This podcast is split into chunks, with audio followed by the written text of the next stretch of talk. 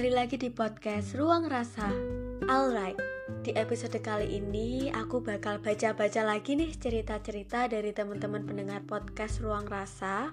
Dan bagi teman-teman lain yang pengen cerita dan berkenan untuk ceritanya diangkat di podcast Ruang Rasa, bisa banget DM aku di Yosepin7 underscore.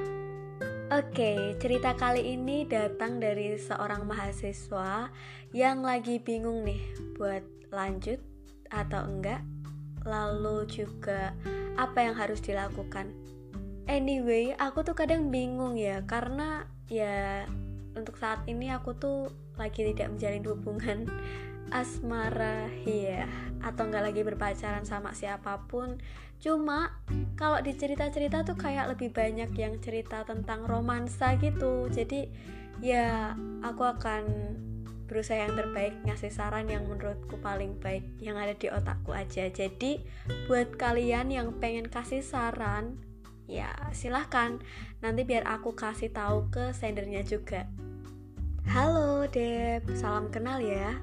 Seneng banget nih bisa terhubung sama kamu dan aku pasti bakalan senang kalau misalnya kamu angkat cerita ini ke podcast Ruang Rasa.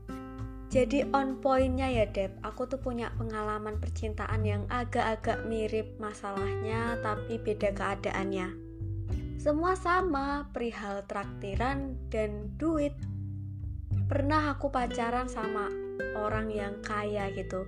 Dia mahasiswa tapi udah bekerja, jadi punya penghasilan sendiri. Otomatis karena aku cewek nih, aku jadi lebih sering ditraktir, dibeliin barang-barang lucu, dan hal lainnya deh. Tapi aku terkesan kayak lebih gimana ya? Susah buat dijelasin tapi nggak enak aja. Si dia kayak ngerasa bener-bener spesial, lebih ke flexing karena dia sudah punya penghasilan sendiri dan bisa ngasih apa pun ke aku. Singkat cerita itu semua berakhir. Terus aku punya pacar baru nih Ya, lumayan cukup sering aku ditraktir, tapi keadaannya dia seorang yang mungkin bisa digolongkan kurang mampu.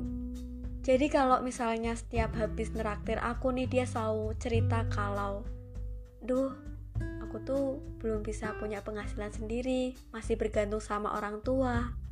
Gitu gitu gitu terus sampai aku capek akhirnya berakhir juga. Nah, kalau menurutmu sendiri gimana sih Dep perihal hal ini nih? Oke, masalah kali ini tuh sering banget ya aku denger. Cuma kalau dari aku tuh udah kebayang kalau misalnya pacaran itu lebih baik split bills nggak sih? Jadi misalnya sekarang kita makan nih berdua, hari ini yang bayar aku, besoknya dia. Jadi kayak gantian gitu tapi juga jangan yang mengekang gitu kayak ih kamu kemarin bayarin aku ya? Berarti sekarang aku ya? Iya gimana? Bisa romantis gitu ya kan? Terus oh ya perihal split bills ini tuh juga aku tahu dari beberapa orang yang terdekatku juga.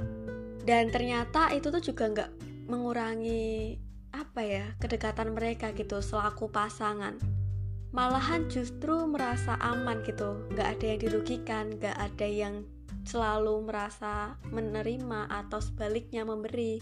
Dan menghindari hal-hal yang kayak setelah putus dia kayak bikin perhitungan gitu loh. Kayak entah cerita ke temen-temennya atau secara nyata bilang ke kita gitu. Nggak banget ya.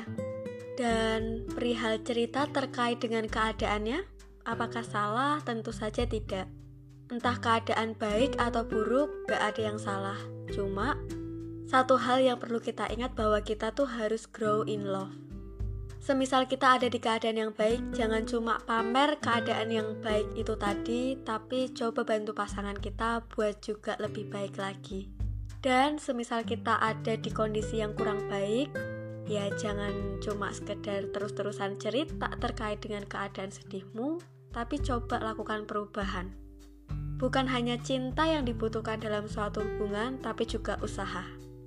Oke deh, kayaknya itu dari aku. Mohon maaf apabila kurang menjawab dan banyak kesalahan. Terima kasih, see you next time.